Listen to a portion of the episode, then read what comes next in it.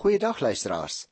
Jy sal onthou dat ons by Markus 13, waaroor ons verlede keer ook so 'n bietjie gesels het, die aanvang kry van die Here Jesus se groot profetiese rede.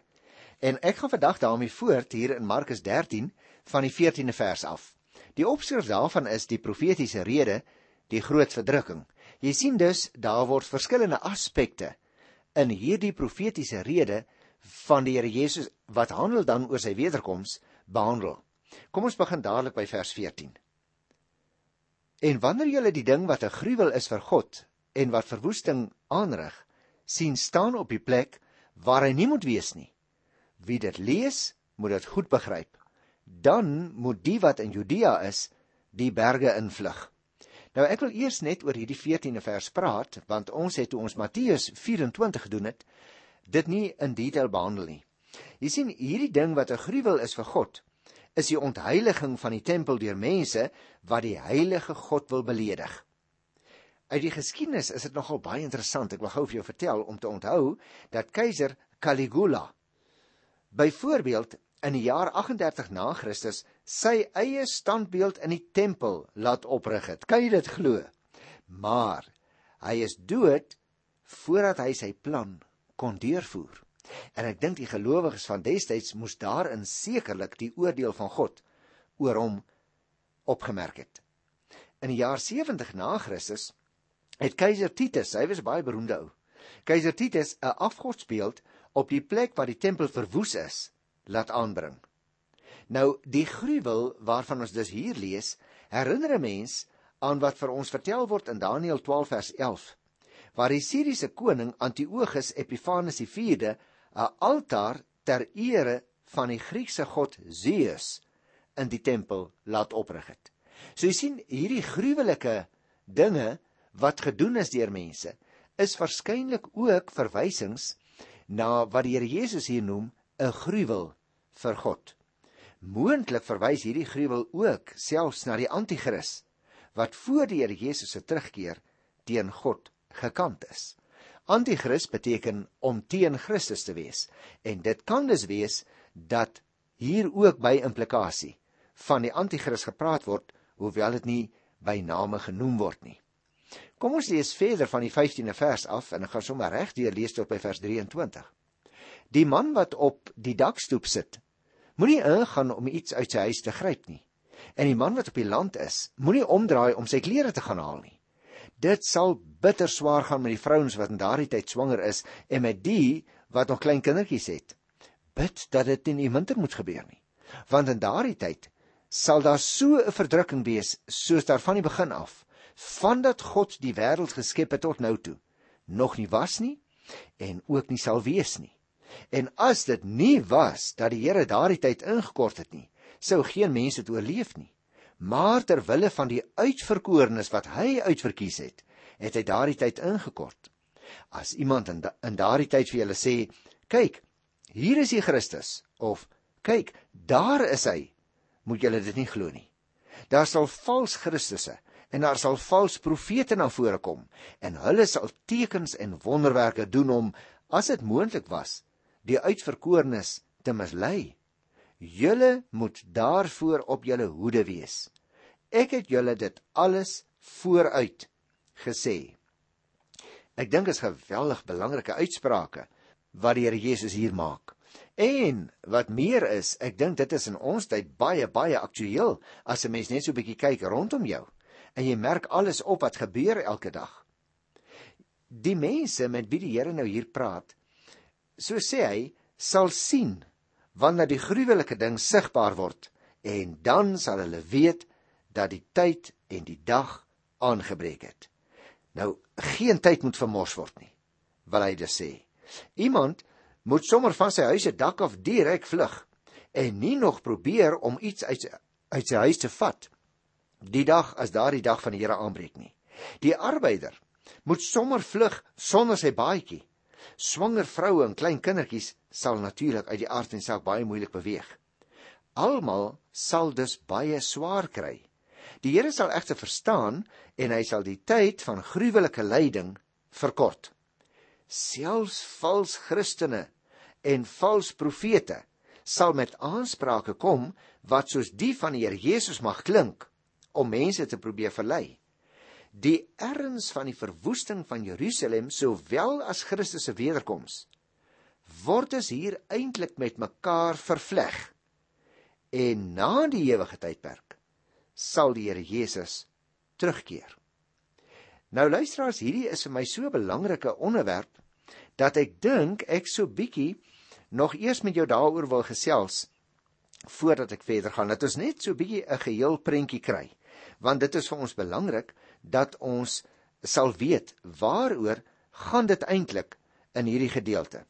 Ek gaan dit soos volg behandel. Uh ek gaan eers uh die gedeelte lees en so bietjie met jou oor uh, die teksvers wat daar staan gesels, maar dan gaan ek dit breër aansny. Kom ons begin hier by Markus 13 met die 24ste vers. Maar in daardie tyd, na die verdrukking, sal die son verduister word en die maan sal nie skyn nie. Die sterre sal uit die hemel val en die kragte in die hemelruim sal ontwrig word.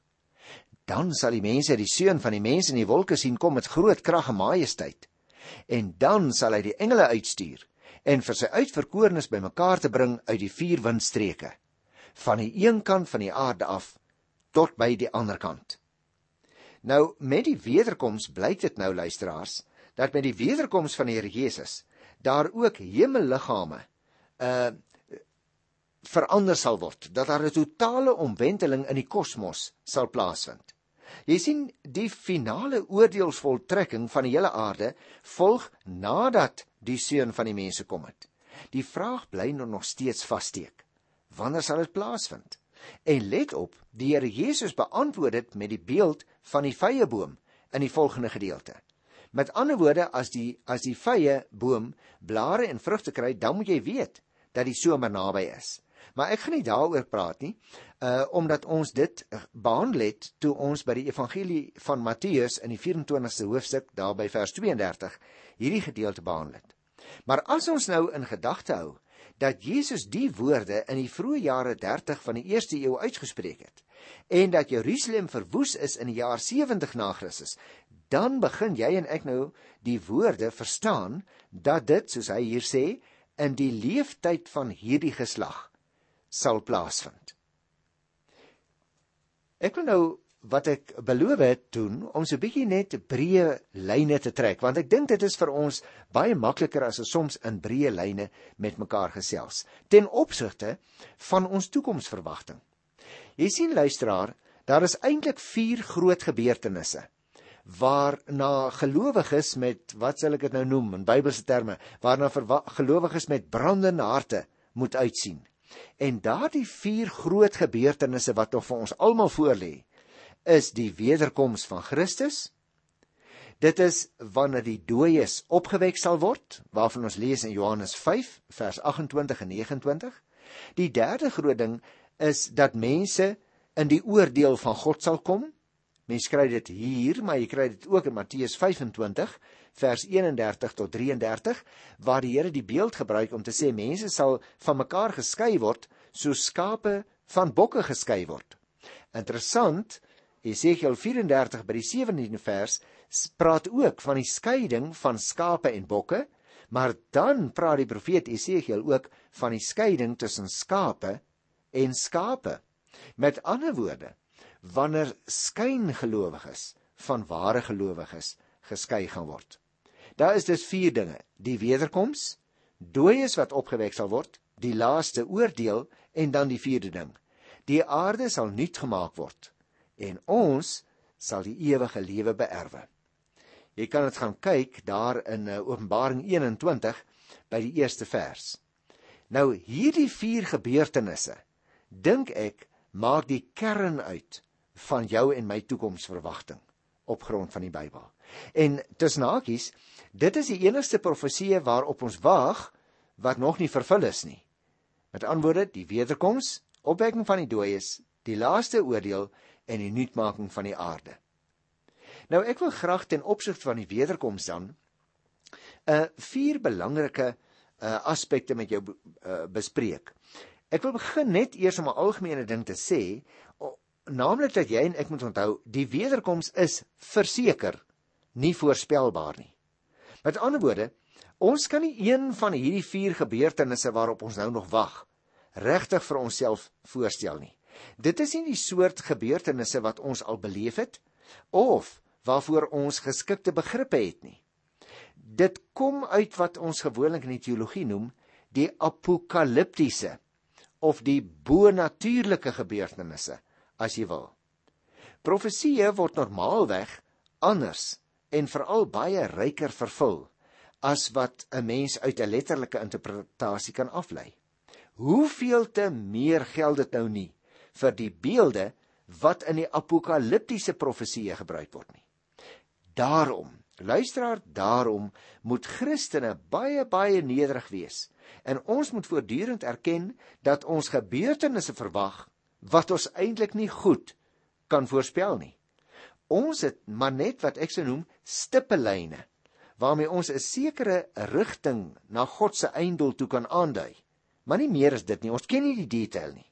Daarom niemand kan homself of haarself die wederkoms van Christus werklik voorstel nie. Die beelde wat die Nuwe Testament gebruik om vir ons iets daarvan te laat verstaan, kan ons nie maklik toepas op ons moderne wêreldbeeld van 'n ronde aarde wat eintlik besef jy dit as 'n mens nou sê die aarde is rond en dit is natuurlik so en jy woon hier in suidelike Afrika en jy wys met jou vinger boontoe dan wys jy eintlik ondertoe sal die ouens wat in die noordelike halfrond woon vir jou sê.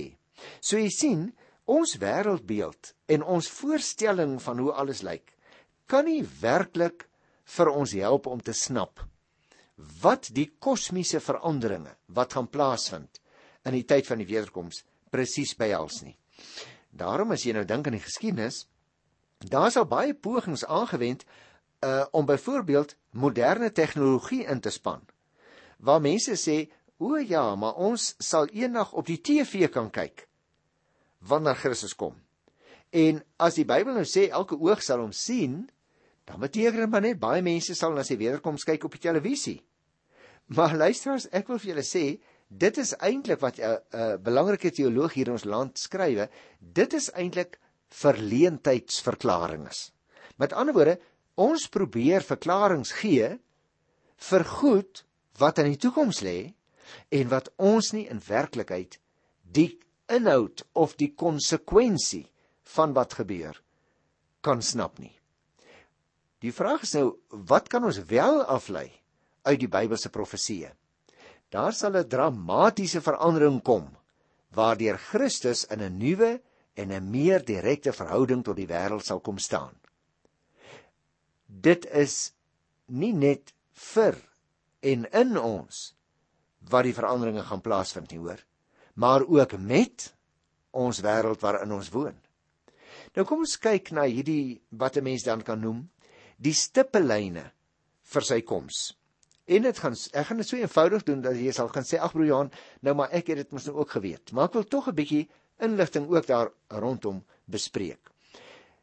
Die eerste stippellyn vir die koms van die Here Jesus is dit. Christus se koms sal sigbaar wees. Nou ons lees dit hier in Markus 13, ook in Handelinge 1 by die 11de vers en selfs in Openbaring 1 by die 7de vers. Nou moet jy en ek dadelik onthou. Hoewel daardie tekste en ook nog ander wat ek nie genoem het nie, wys op 'n sigbare koms van die Here Jesus. Is daar Christene in ons tyd in die wêreld wat praat van 'n onsigbare wederkoms? Maar dit skep natuurlik nou allerlei soort probleme. Daar word byvoorbeeld ook gesê dat eh uh, nie alle mense sal sy kom sien nie. Maar ek dink nie ons moet daaroor spekuleer nie, want 'n mens kan baie praat en dan het jy nie altyd stewige grond onder jou voete nie. Dit is ook duidelik, luisteraars, dat die Here Jesus veronderstel dat die disippels tydens sy wederkoms nog op die aarde sal wees en dus nie voor die tyd na hom toe geneem sal word nie. Nou mense kan ook daaroor baie praat, maar ek dink ons kan naderhand hierdie voorseggings van die Here Jesus gebruik om mekaar bang te maak. En daarom wil ek liewer verwys na Lukas 21 by vers 28 waar hy vir sy disippels sê om bemoedig te wees deur die tekens wat uh, sy sigbare koms sal vergesel. Die eerste algemene opmerking of stippellyn is dus dat dit 'n sigbare koms sal wees. Die tweede een waarna ek net so bietjie wil wys, is dat dit skielik sal gebeur. Nou dat sy koms naby is, trouens, dat sy koms al in die dae van die Nuwe Testament naby was, word uh, word algemeen aanvaar. Maar dat dit skielik sal kom, het so 'n bietjie ander betekenis as om net daaroor te dink dat dit wel sal gebeur. Met ander woorde, dit sal nie 'n geleidelike proses wees sodat 'n mens dit as 'n ware kan waarneem en dat jy kan begin om jou tyd saam daarop voor te berei nie. Dit is nie wat die Bybel sê nie. Ehm um, die geliefde beelde vir die Here Jesus se koms is die beeld van weerlig en ook die beeld van 'n dief. Mens kry dit in Matteus 24 vers 27 en 43 en dan ook in Lukas 12 by die 39ste vers. Nou jy sal dadelik besef wat hierdie twee beelde so gevaarlik maak. Is dat mens nie weet wanneer die weerlig gaan slaan nie. Jy weet ook nie wanneer die dief gaan opdaag by jou huis of by jou woonplek nie. En juis daarom is jy net veilig as jy elke oomblik op hulle voorberei is. En dit is ook die boodskap van die tekens van die tye. Met ander woorde, nie bereken wanneer hy sal gaan kom nie, maar julle moet altyd gereed wees wanneer die seun van die mens kom op 'n uur dat julle dit nie verwag nie. Nou het ons al bietjie gekyk na twee belangrike stippellyne. Sy koms gaan sigbaar wees. Sy koms nommer 2 gaan skielik wees. En nou 'n derde belangrike stippellyn. Sy koms sal kosmiese veranderinge inhou. Dit gaan dus nie net om individuele mense nie, maar dit gaan om die hele skepping van God, die hele kosmos. En die beelde waarmee Christus se koms in die Nuwe Testament geteken word, het ongelooflike afmetings. Matteus 24:29 teken 'n kosmiese katastrofe op 'n ongekende skaal.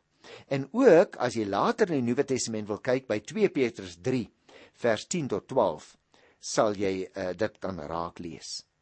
Dit is dus apokaliptiese of as jy wil bo-natuurlike taal waarin hierdie goed ook beskrywe word. En jy moet onthou luisteraar, jy en ek kan nie werklik vir ons indink hoe daardie apokaliptiese veranderinge wanneer die kosmos ingrypend verander gaan word gaan plaasvind nie. En daarom dink ek ook moet ons nie te veel detail daaraan gee nie. Kom ek nou nog een aspek. Christus se koms sal ook in heerlikheid wees. Jy sien, sy oorweldigende verskyning sal alle moontlike teespraak en weerstand verbreek. Sy eerste koms was 'n vernedering. Hy is verwerp en verag, hy is gespot en hy selfs met die opperste van duiwels vergelyk, né? In die tussentyd kon mense die werk van sy gees ontken en minag. Maar nou, wanneer sy wederkoms plaasvind, sal dit in heerlikheid wees, op so 'n manier dat weerstand net nie meer moontlik sal wees nie, dat elke knie voor hom sal buig en elke tong sal bely Jesus is die Here tot eer van sy Vader. En dit staan natuurlik in Filippense 2 daarvan die 10de vers af. Mag ek dit opsom? Ons kan nommer 1 ons nie regtig die wederkoms van die Here Jesus voorstel nie want dit sal sigbaar wees. Tweede eienskap, dit sal skielik plaasvind. Derde een, daar sal kosmiese veranderinge plaasvind in die natuur en die vierde riglyn, hy sal in heerlikheid verskyn. Nou kom ons keer nou terug na die teks hier in Markus 13 by die 32ste vers staan daar. Niemand weet wanneer daardie dag en uur kom nie, net soos ek nou net vir jou verduidelik het. Selfs nie die engele in die hemel nie en ook nie die seun nie.